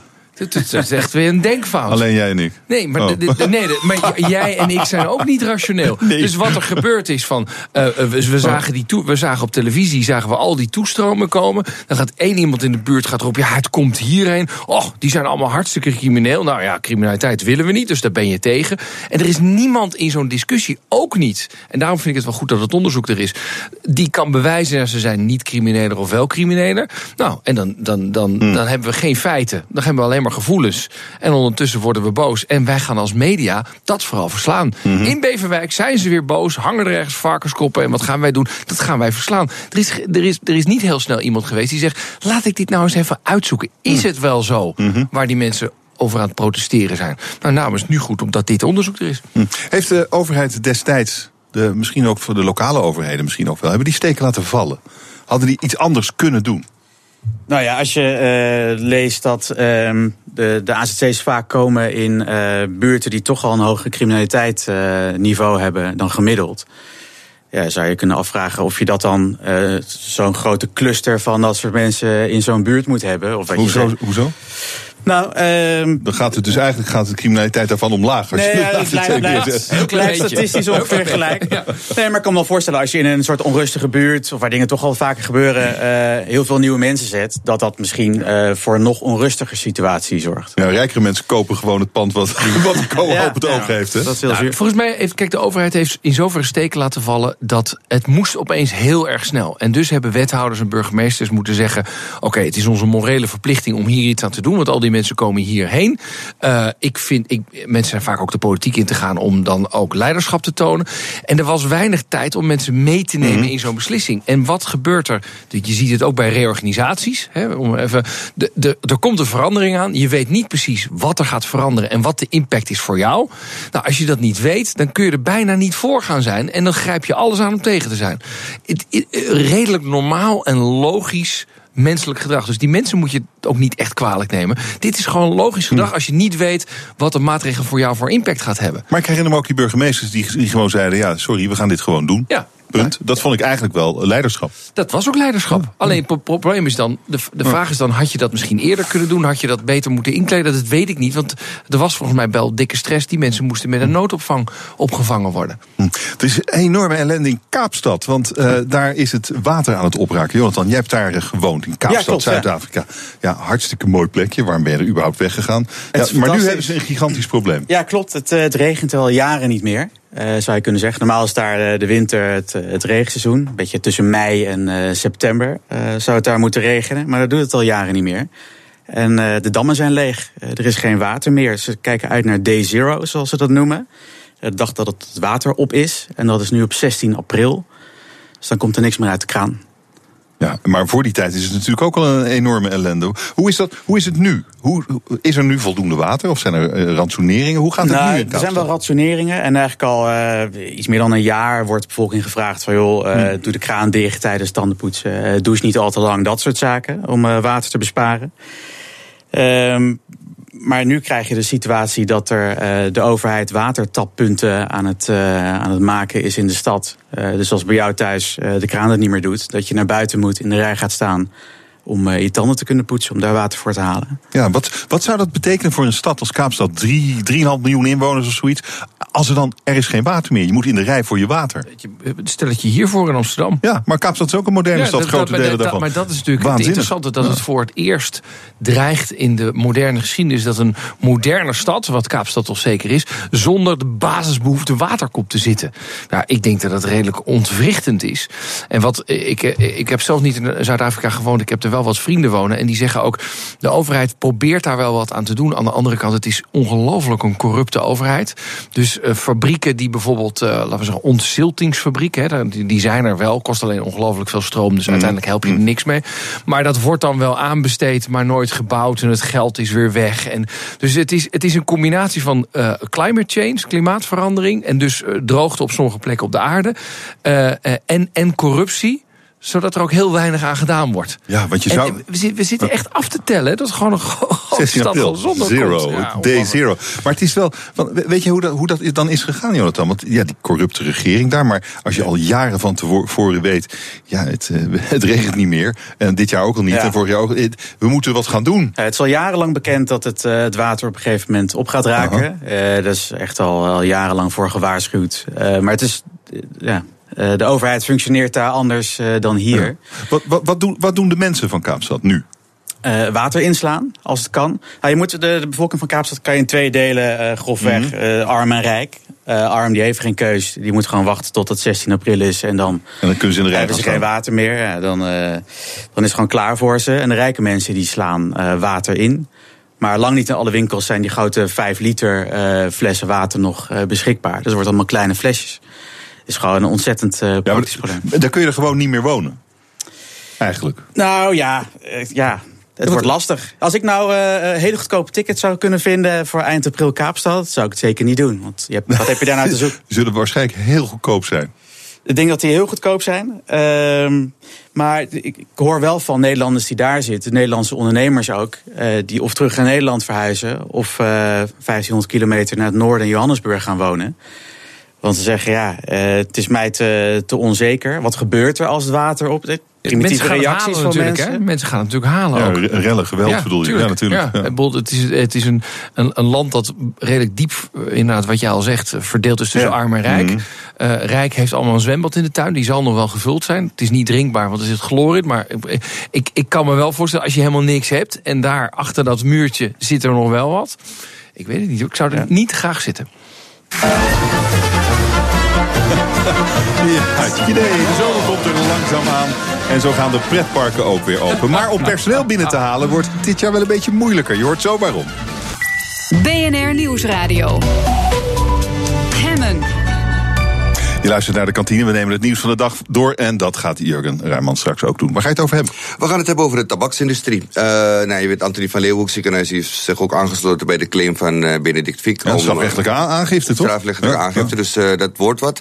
En we gaan het er vandaag over hebben. Ik heb Jo eh, te gast, journalist van Trouw. Ehm, hij schreef het boek Het Rookgordijn over de macht van de Nederlandse tabaksindustrie en hun lobby. Ik heb Benedict Fiek zelf ook in, aan de lijn. Die komt even wat vragen beantwoorden over hoe of wat. En eh, ja, de vragen die wij onder andere zelf willen weten is van... ehm, moeten niet alle ziekenhuizen aansluiten in Nederland? Ik bedoel, waarom alleen het Anthony, het Anthony van Leeuwenhoek ziekenhuis? Je hebt nu ook wat met het UMC Groningen wil ook zich erbij aansluiten. Dus, maar zou het niet alle moeten doen? En een andere vraag ook, als de overheid er niets aan doet... terwijl het bekend is dat dit gebeurt... en de overheid niet ingrijpt, is de overheid ook niet verantwoordelijk. Dus zouden ze ook niet de overheid moeten aanklagen hiervoor. Want eh, uiteindelijk, ja, zij, zij stellen de tabaksindustrie in de gelegenheid... om die sigaretten te verkopen. Maar het, eh, het, het doel is natuurlijk dat het, het Openbaar Ministerie eh, tot vervolging overgaat. Ja, dus ze wachten, want we hebben ook, we hebben ook de mensen van de tabaksindustrie gevraagd Hm. om te reageren. En die zeggen ze wachten echt tot eh, de beslissing van het OM komt. Als ze al dan niet gaan eh, vervolgen en dan pas gaan ze reageren. Dus, maar daar eh, denken ze al best een tijdje over na bij het Vanaf, ja, ze zijn al sinds 2000, wat is het, 2016 of zo zijn ze ermee bezig. Dus ja, het speelt er vanaf 2016, zegt de Nederlandse sigaretten- en kerftabakfabrikanten. Of de Vereniging van Nederlandse Sigaretten- en Kerftabak. Ik weet niet wat kerftabak is, maar dat zou wel check. Check, denk ik. Ja, denk ik, die, die- dat was een reactie geval. Maar ja, vandaag gaan we het erover hebben. Dus ik wil graag weten van eh, hoe mensen er eh, zelf over denken. Wat voor vragen ze hebben erbij. Eh, hebben zij misschien ook wat advies voor Benedict van hoe ze het beste zeg maar deze lobby zou kunnen aanpakken? Want het is uiteindelijk die lobby van de tabaksindustrie die ervoor zorgt dat deze producten in vriendschappen blijven, denk ik. Maar reageer erop via Twitter, BNR, via Facebook. Je mag me altijd even whatsappen, het nummer staat op bnr.nl. Of je kan me mailen, askme.bnr.nl. Je kan... Natuurlijk ook altijd even bellen. 020 468 4 en je vraag live stellen in de uitzending. Jurgen, veel plezier. Dankjewel. Jullie ook. Jo. Ja, dit is toch. Dit, ik, denken, jullie, denken jullie, Jonathan, denk jij dat dit gaat, uh, gaat werken? Dat het OM werkelijk tot strafvervolging van de tabaksindustrie Nou, het lijkt me heel sterk. En wat, wat Jurgen net zei, is dat de overheid natuurlijk niet verantwoordelijk is uh, voor de verkoop van tabak. Natuurlijk zijn ze dat wel. Uh, Kijk, als je kijkt, uh, Radar Extra die had onlangs een uitzending over de tabakslobby. En uh, bij het totstandkoming van Europees uh, beleid. er is een commissie die adviseert dan Europa van joh, dit, dit willen we als nieuwe regels voorstellen. En de meerderheid van die commissieleden, dat zijn lobbyisten van de tabaksindustrie. Mm. Dat is toch gek? Want die mensen mogen zeggen van, nou, ik doe maar zoveel uh, milligram uh, gif per sigaret of zo. Die mogen dat gewoon zelf bepalen.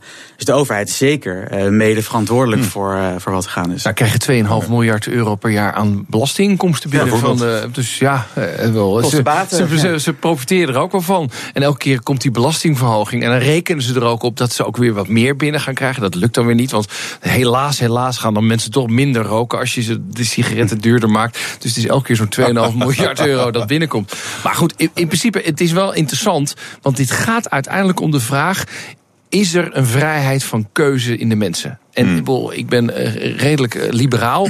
En dan denk ik, ja, mensen mogen dat zelf weten. Eh, bijvoorbeeld hè, als we het ooit nog over uh, vette hamburgers gaan hebben of wat dan ook.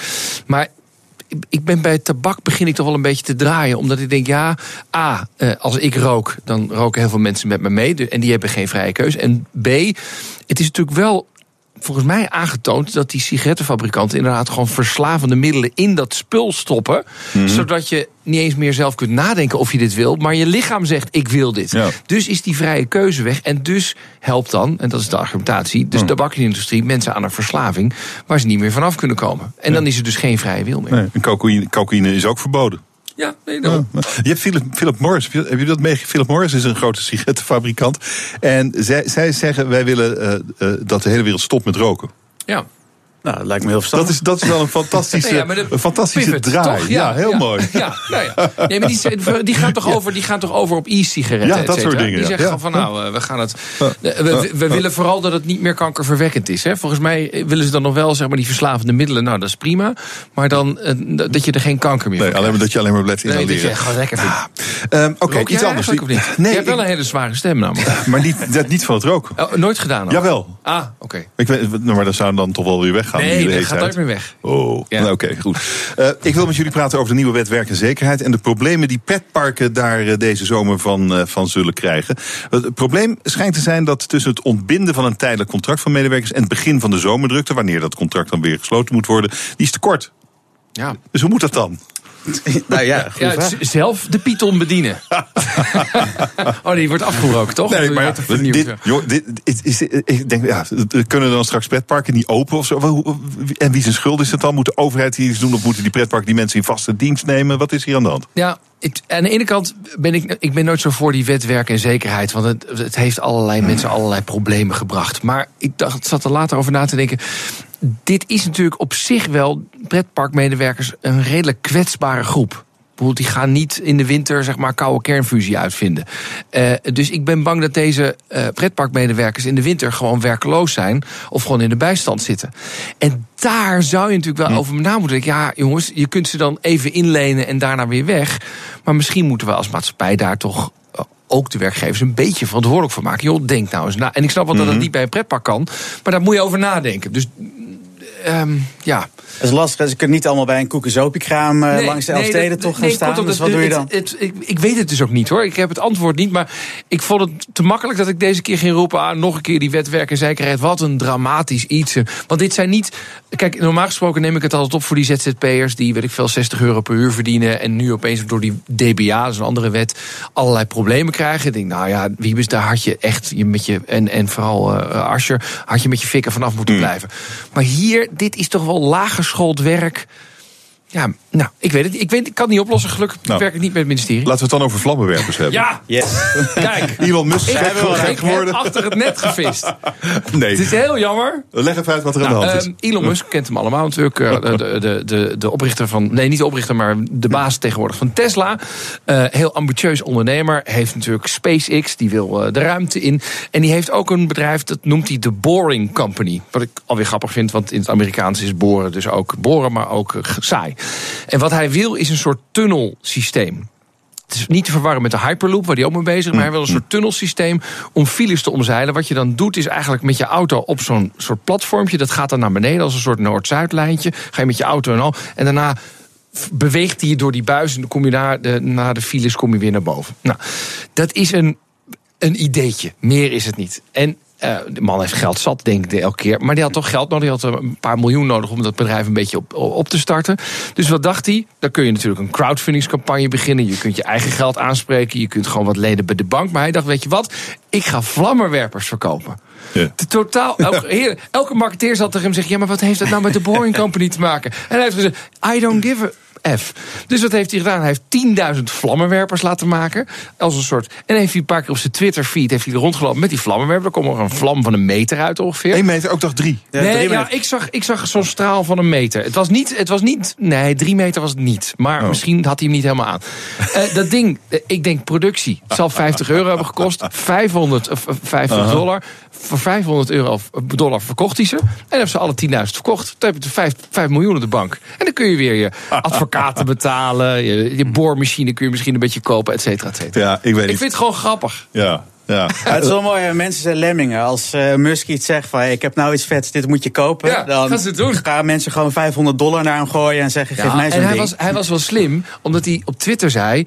ik heb er 10.000, ik heb er nog maar 9.000. Ik heb er ja. Het is een marketeer, hè? Het is Uh-huh. schaarste creëren. En jij hebt hem niet. Nee. Wat wilde je ermee doen? Nou, ehm, gewoon hebben. Hij zei zelf, eh, vooral als de zombie-apocalypse begint, is het Goed, hè? handig. Ja, en, en het mooie is, want ik kreeg enorm veel gezeik erover. Want ja, dat is heel gevaarlijk. En daarom zei ze, het is technisch niet echt een vlammenwerper. Want dat is met een vloeistof. En dit was gas. Maar goed, whatever. En eh, iedereen vond het gevaarlijk. En toen zei hij, ja, maar ik lever ook nog een brandblusser erbij als je dat wil. Ah, goeie kerel. Maar hij moet eigenlijk gewoon die eh, Tesla 3 gewoon dus, eh, van de grond zien heb jij dat besteld? Nee, nee, nee, zeker niet. Nee, maar de- heel veel andere mensen wel. En dat wordt telkens maar uitgesteld. maar dit is ook gewoon, dit is ook gewoon afleiding. Dit wist Zeker afleiding. tevoren.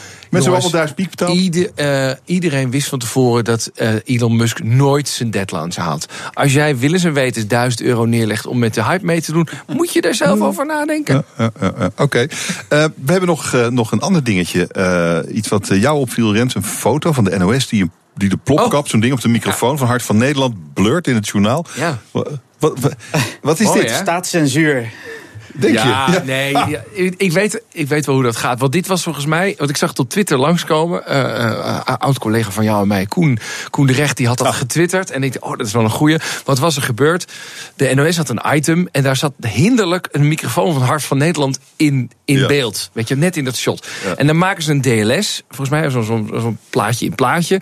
En dat, dat schuift dan naast Rob Trip eh, eh, als hij het onderwerp aankondigt. Er staat dus een stilstaande foto. En er staat dus heel groot hart van Nederland in het journaal. Nou, dat klopt niet helemaal. Dus hij heeft, heeft gewoon waarschijnlijk de Photoshop van het journaal gedaan. nou, dat halen we wel even weg, weet je. Dat logootje halen we weg. Oh, bizar. Je Maar ziet het- daarna zag je dat ja. shot en dan zag je gewoon hart van Nederland staan. Ja, het Oh, dat is heel gewoon gek. een beetje plagen. En, Ja. en op Twitter vinden we dat dan heel leuk. Eh, ja, maar oké, ja, maar jij zei iets heel ergs. Jij zegt staatscensuur. Ja, ja, de NOS zou natuurlijk sowieso het hart van Nederland moeten zijn. Nee, ja, het is natuurlijk heel gek. Maar je hebt toch altijd bij persconferenties allemaal verschillende merken, smaken, microfoons. Dat lijkt me de normaalste zaak van de wereld. Het is een soort- je gek eh, stuip om dat over, weg te over editen. eigen photoshopper bij de beeldredactie. Het is een kwestie van, van smaak. Jongens, ga de kantine dichtgooien. Mooi dat jullie er waren. Dank. Eh, Jonathan Ursum, hoofdredacteur van de Nieuwe Revue. En Rens de Jong, presentator en eigenaar van Busmaster. Dank jullie zeer. Dit was het voor vandaag. Morgen ben ik er weer. Dan heb ik eh, Richard Krajcek, mijn gast. Hij is eh, directeur van het ABN AMRO-toernooi. Dat begint weer over een paar weken in Rotterdam. En dat is waar ik met hem over ga praten. En over nog een heleboel andere dingen. Morgen. Nu eerst Jurgen Draaiman met Ask Me Anything. Dag.